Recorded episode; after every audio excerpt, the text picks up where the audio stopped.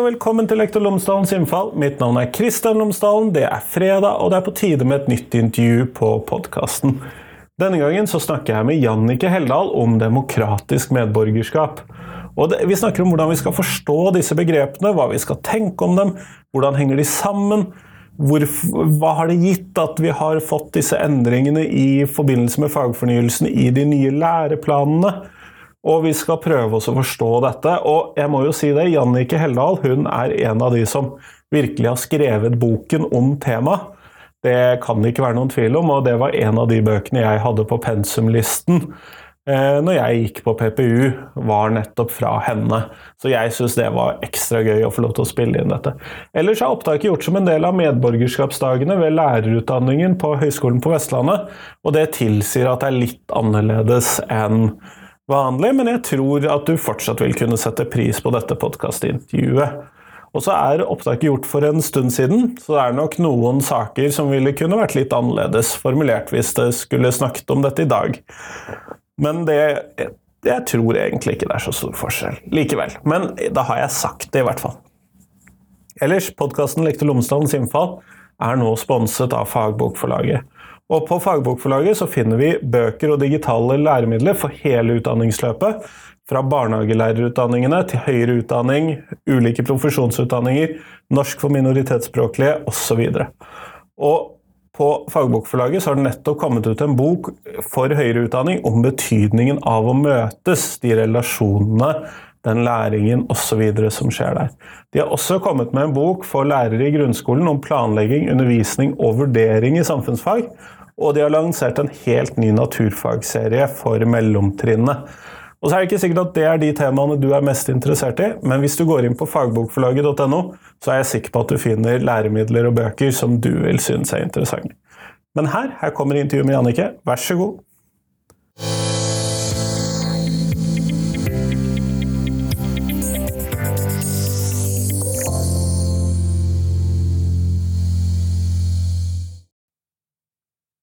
Jannicke Helland, tusen takk for at du har tatt deg tid til meg i dag. Takk for at jeg fikk komme. Før vi kommer oss ordentlig i gang med denne, dette som er en samsending mellom medborgerskapsdagene på HVL og podkasten Lektor Lomsdalen innfall, så må du nesten fortelle lytterne og seerne, for dette er også en video, om tre ting om deg, sånn at de kan få bli litt bedre kjent med deg. Ja, det skal jeg gjøre. For det første eh, så er jeg pedagog. Uh, ja. Og for det andre så pendler jeg mellom uh, grunnskolelærerutdanningen på HVL i Bergen og uh, lektorprogrammet på MF Vitenskapelig høgskole i Oslo. Så jeg har to jobber. Eh, og for det tredje så er feltet mitt demokratisk medborgerskap. Demokrati og medborgerskap. Og så er det kunnskapssosiologi som jeg jobber med. Og midt i blinken for dette her, altså? Ja, det er det.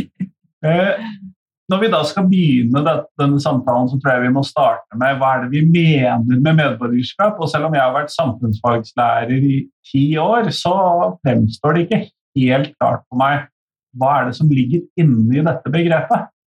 Mm. Ja, det, der er du ikke alene. Eh, det er jo et teoretisk begrep som kommer fra statsvitenskapen, hvor man først og fremst har vært opptatt av demokratiet som politisk styreform. Og så skjer det noe i, rundt slutten av 80-tallet, begynnelsen av 90-tallet, hvor eh, Sovjetunionen faller.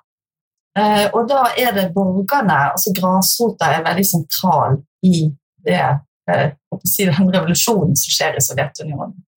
Blant annet i Baltikum så stiller folk seg, lager en sånn menneskelig lenke fra Estland i nord til eh, Litauen i sør, eh, og krever å, å bli frie nasjoner. Eh, og det er en voldsom oppslutning, og både politikere, men også teoretikere som jobber med demokrati, blir veldig obs på at her kommer det noe nedenfra. og medborgerskapsbegrepet altså Jeg har jobbet mye med å oversette demokrati og medborgerskap fra en statsvitenskapelig kontekst over i en pedagogisk.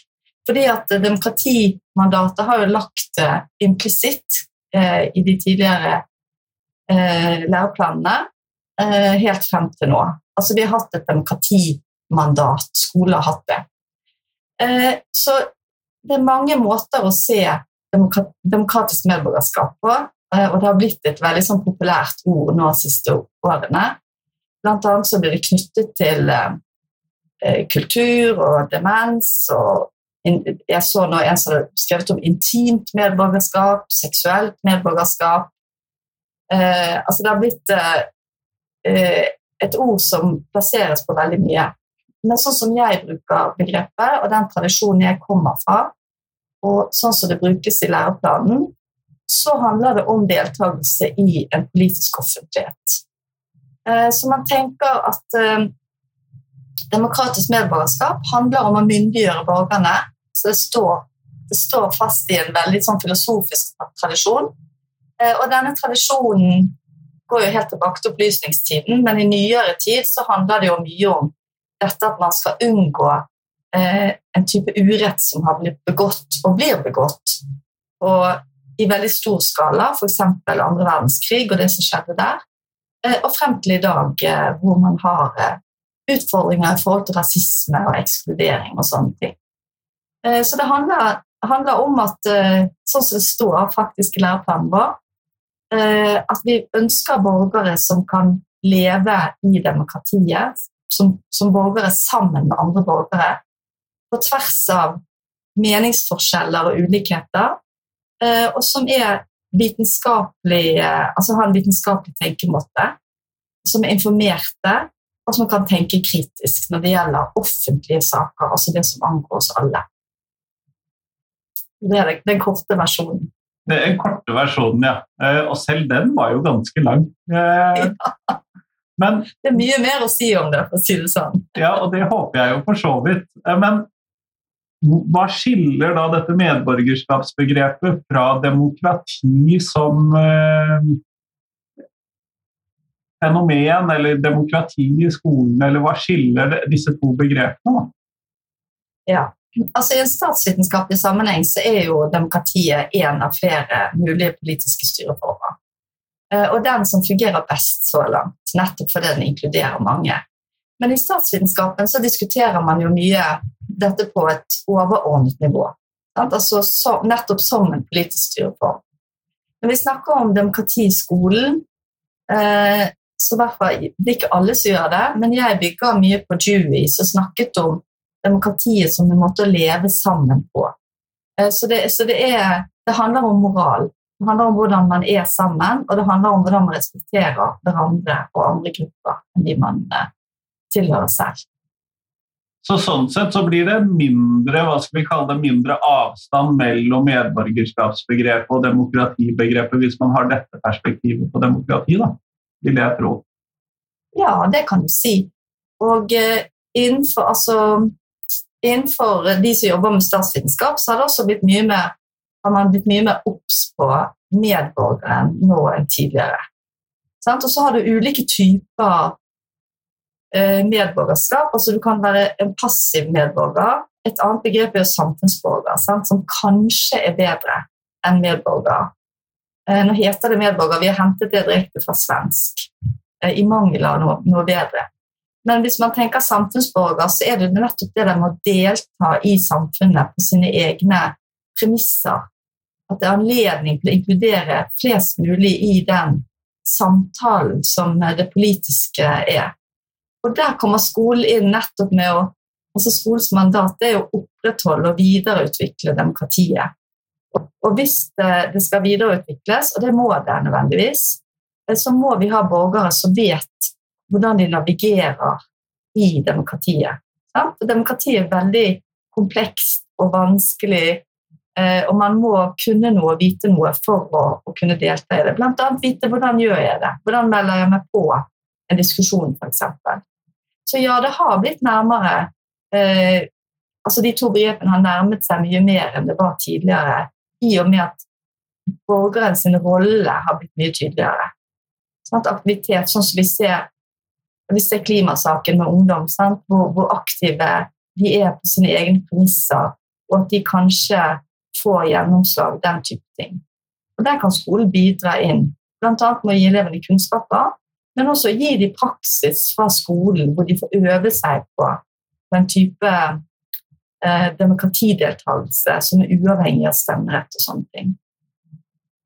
Så det ligger en forventning i dette begrepet om at eh, man skal da være en aktiv eh, deltaker i dette demokrati i dette samfunnet. Da. Kunne du si noe mer om hvordan dette kan være både ja og nei? Til at man må være aktiv, ja. uh, eller at det innebærer en aktiv forventning om aktivitet? Ja, det gjør for så vidt ikke det.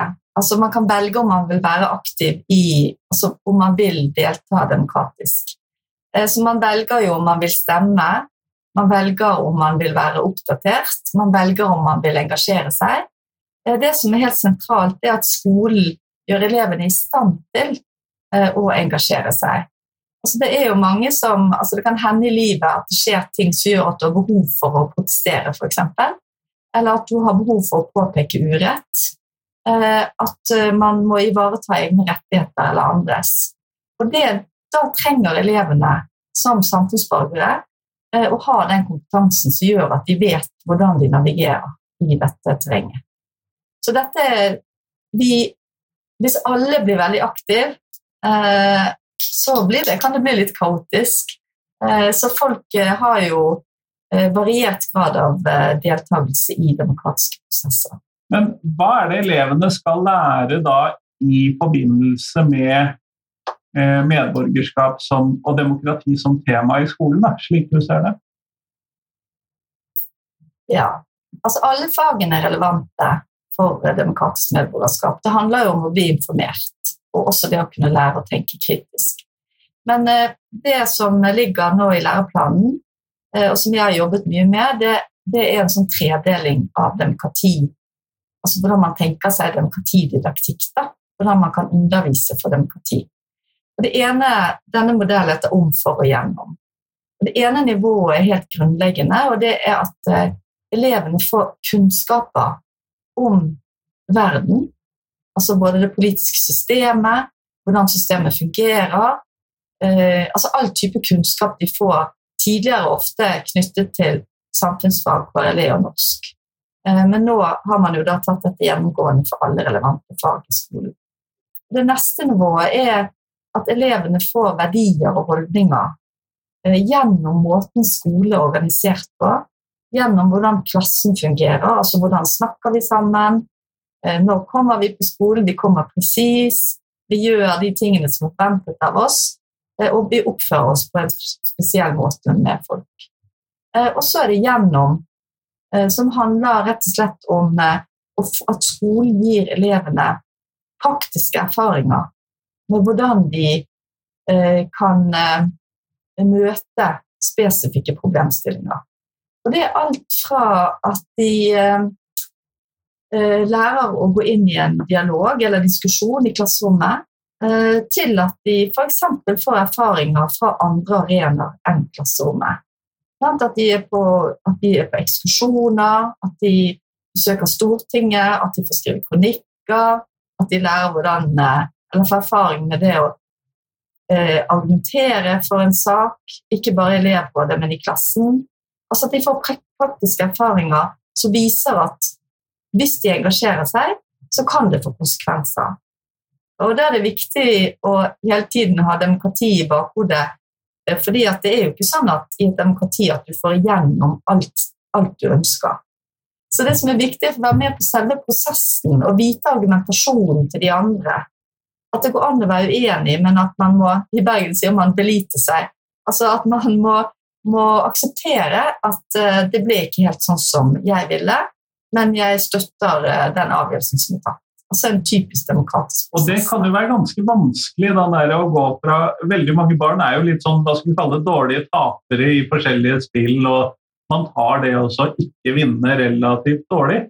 Eh, og det er jo ganske vanskelig å lære seg.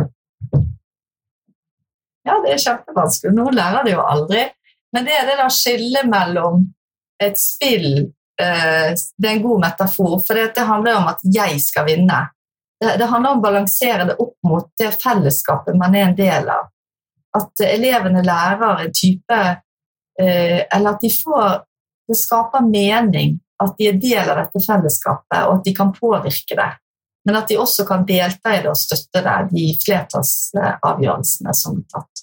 Og Det handler jo nettopp om det med argumentasjon og samtaler og dialog, eh, men også faglige begrunnelser, eh, som gjør at man kanskje også endrer egen mening.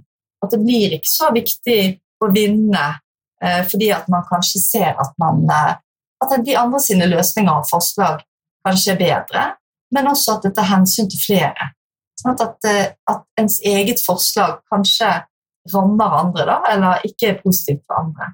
Ja, og Det er jo interessant. I hvilken grad opplever du at dette med minorit, mindretalls- og flertallsperspektiver på demokratiet ligger inne i dette? Jeg tenker ja. i skolen. Jeg er veldig usikker på det. Altså, vi har jo en formålsparagraf som, som er veldig vid og raus. Uh, og den tenderer jo mot å være det som vi kaller et kosmopolitisk ideal. altså den, global, den globale medborgeren. Men fra, fra, med røtter i eller ståsted i, i, det norske, altså sånn som det norske demokratiet er organisert.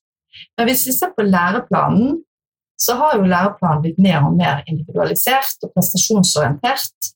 Så det er en voldsom spenning som ligger i fagplanene og, og mellom fagplanene overordnet del og formålsparagrafen. Eh, så hvis vi bruker spillmetaforen, eh, så er jo fagplanene og kompetansemål og testing og disse tingene det handler jo om å vinne gjøre det best mulig for sin egen del. Eh, det er liksom vinn eller forsvinn-mentalitet eh, opplever noen elever. Men hvis vi ser på grunnlaget, eller liksom grunnmuren, hvis vi kan si det, for læreplanen, altså formålsparagrafen og, og nå overordnet del, så det er et helt annet medborgerideal som ligger der. Så Det blir et voldsomt ansvar for lærerne å veie disse opp mot hverandre. For man vil jo selvfølgelig prøve å få elevene til å lykkes individuelt, sånn at de kan gå ut i livet på sine egne premisser. Eh, men samtidig så ønsker man jo eh, å skape denne opplevelsen av at jeg har en tilhørighet her, uansett hvem jeg er. Eh, og Der er jo klassen et veldig bra utgangspunkt når elevene skal ut i storsamfunnet. At de, at de har med seg den opplevelsen av at, og erfaringen av at eh, de er del av noe større enn seg selv. Ja, fordi de allerede er en del av et fellesskap. Ja. Ja. Men du nevnte dette med at, at, dette også har blitt en del av de andre fagene i skolen. For Tidligere så hørte jo dette ganske trygt hjemme i samfunnsfaget, og så var det der vi egentlig drev med sånn demokrati og sånn. Og Hvordan tenker du at det påvirker skolen, at dette har kommet inn i alle de andre fagene også? Jeg tror det er veldig bra. Så det legitimerer at lærerne kan jobbe med dette her. Og for de andre fagene så noen fag så Det har jeg ikke undersøkt, Eh, men jeg har snakket med noen lærere som er i andre fag, så typisk realfag og sånn, som sier at nå legitimerer det eh, at de i større grad kan connecte faget sitt med demokrati, altså noe, noe større enn faget, og samtidig få, frem fagets betydning. Altså, hva er betydningen av å kunne lese statistikk? Hva er betydningen av å kunne holde greie på sin egen eh, personlige økonomi? Um, uh, så, så det, det, åpner noen rom for lærerne. Uh, for det er jo dessverre fremdeles sånn at uh, demokrati, psykisk helse, altså livsmestring, bærekraft, handler også mye om hva lærerne kan og er interessert i. Men det er i hvert fall en større anledning nå til å jobbe mer med dette her i alle fag. Ja, tidligere så kunne man jo antar jeg, og jeg mener å ha hørt dette fra min egen skolegang, siden jeg ikke er realfagslærer, så er det jo litt sånn type kommentarer som at Hvorfor driver vi med dette? Dette er ikke samfunnsfag eller eh, den typen kommentarer. Mistenker jeg at det da eh, fort, fortere kan lukes ut uten en lengre forklaring enn det det gjøres, eller ble gjort da i min tid i grunnskolen. Ja, ja det, og det tror jeg er riktig. Eh, at det har vært en sånn type holdning. Og det har jo også med utdanningen å gjøre, som disse lærerne har. sant? Så nå, desto mer dette går inn i lærerutdanningene, rundt omkring, desto flere får kompetanse på å undervise om det i disse utdanningene, hvis de gjør det da, i alle fag, eh, desto sterkere vil jo læreren føle en sånn type trygghet i forhold til å implementere det i sitt eget fag. Men det er fremdeles valgfritt. sant? Altså I realfagene kan du si at dette ikke er relevant, men da er det dette her veldig viktige som eh, Jon Hellesnes eh, skriver om, forskjell på å være en utdannet mann og et dannet menneske. Sant? Altså det å være, Særlig hvis du ser på de litt høyere utdanningene, det å være ingeniør eh, er jo også en veldig altså Det har en veldig sånn moralsk fordring i det, fordi at de kan eh, Hvis vi går tilbake til andre verdenskrig igjen Hvis ikke folk hadde hatt så gode utdanninger, medisinerne, juristene, de som drev med logistikk, ingeniørene, så kunne jo ikke dette store utryddelsesprosjektet vært gjennomført. Så der har du de utdannede, men ikke de dannede. Altså, de mangler den dimensjonen. Så det er det der moralske grunnlaget for de ulike fagene. Så hva, Hvilke forpliktelser gir det meg eh, hvis jeg f.eks. utdanner meg som matematiker eller medisiner? Altså de der moralske fordringene. Så det er bare å håpe at dette her blir da implementert også i de høyere utdanningene for de som skal ut og undervise. Sånn at det etiske er kommet veldig tydelig inn da, på mange måter gjennom da, dette medborgerskapsbegrepet, kan man jo da kanskje si. Ja, jeg syns det. Altså, hvis man skal tenke som Dewey, at, uh, at dette handler om uh, å leve sammen, altså en måte å leve sammen på, en livsform, så er det jo noen uh, etiske forpliktelser her. Men de kommer jo også ofte med at man utvikler kritisk tenkning.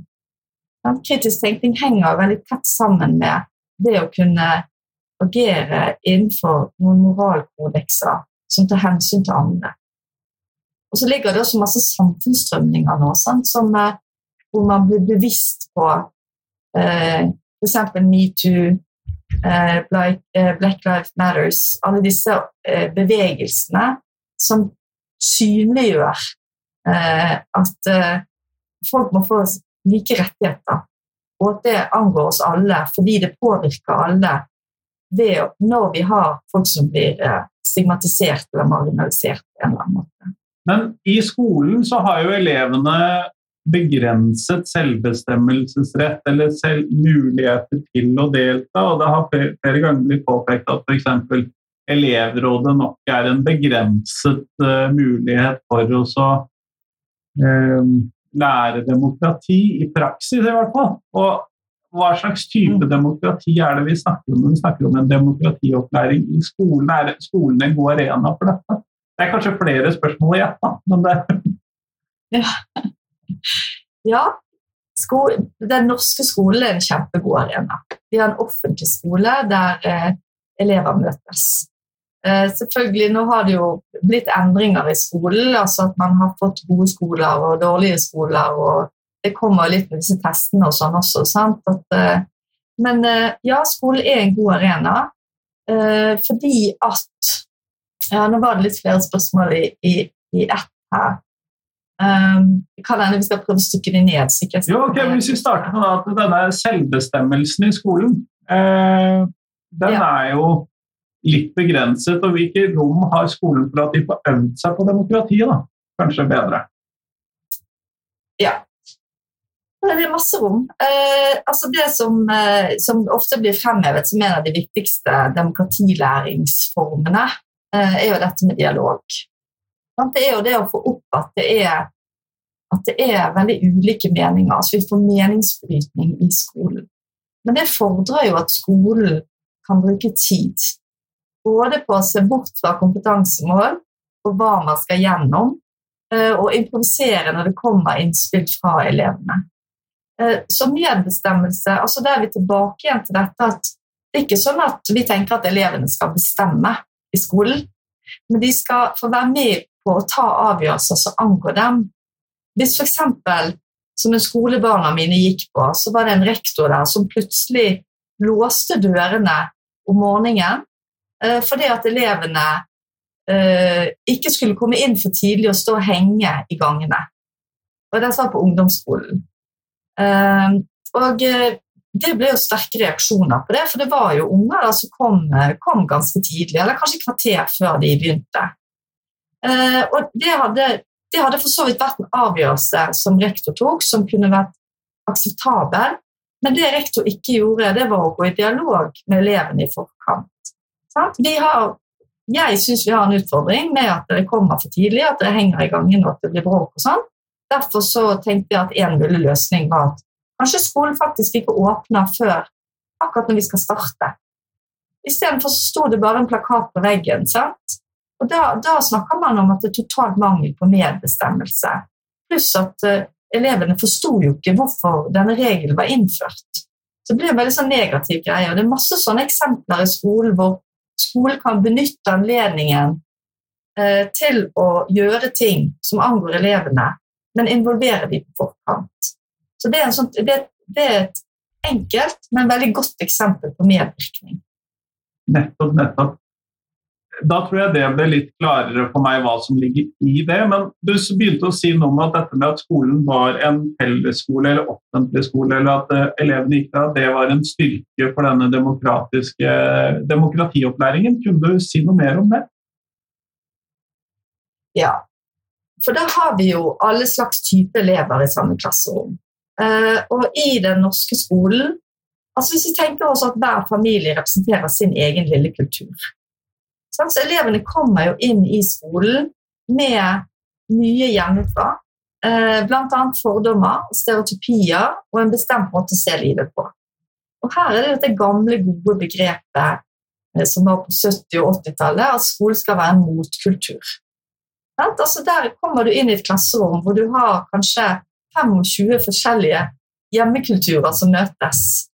Eh, og i samtaler på skolen, i hvordan man snakker om fagstoffet, i hvordan man snakker om utfordringer, eh, det å bli enige om ting, eh, men også bare rett hvordan vi snakker sammen og blir kjent med hverandre, så er det sånn at det ligger altså at mening skapes da ny mening i fellesskapet mellom elevene i en god undervisningssituasjon.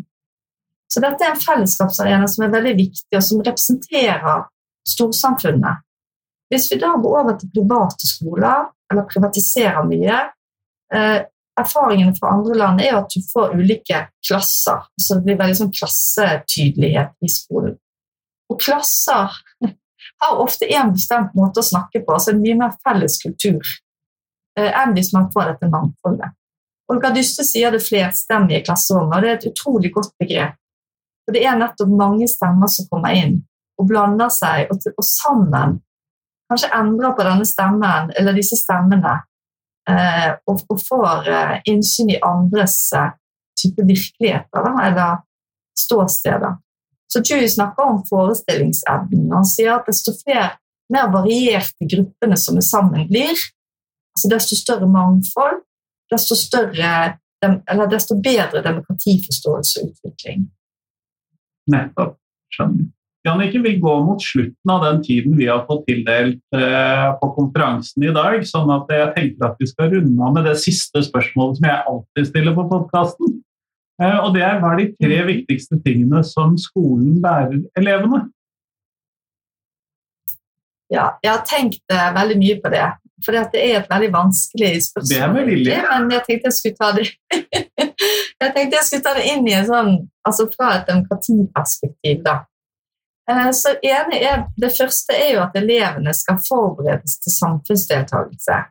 Og For meg er det veldig viktig altså nå Når Kunnskapsløftet kom på begynnelsen av 2000-tallet, så begynte mediene bl.a. å snakke om, om skoletapere som et helt grusomt begrep.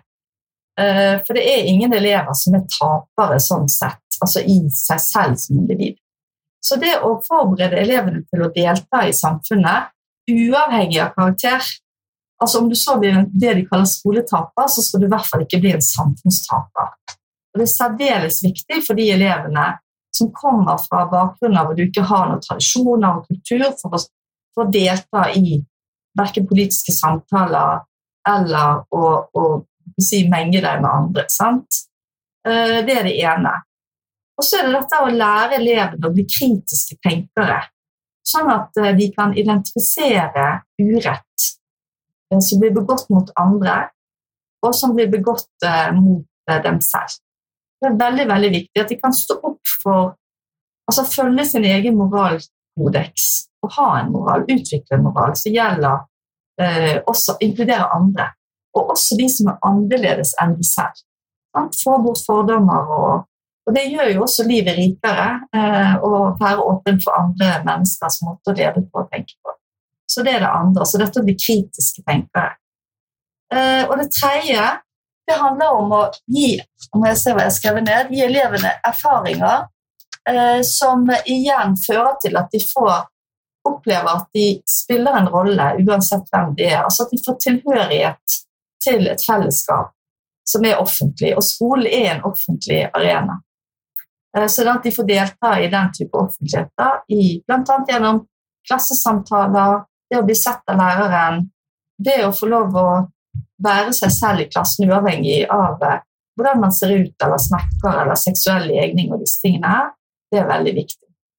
Så det tenker jeg er skolens tre noen av de tre viktigste oppgavene vi har. Skolen har jo uendelig mange viktige oppgaver. Ja, Det er litt vanskelig å begrense. og Det er litt av magien i ja. spørsmålet. Men tusen takk for at du tok deg tid i dag. Tusen takk for at jeg fikk komme.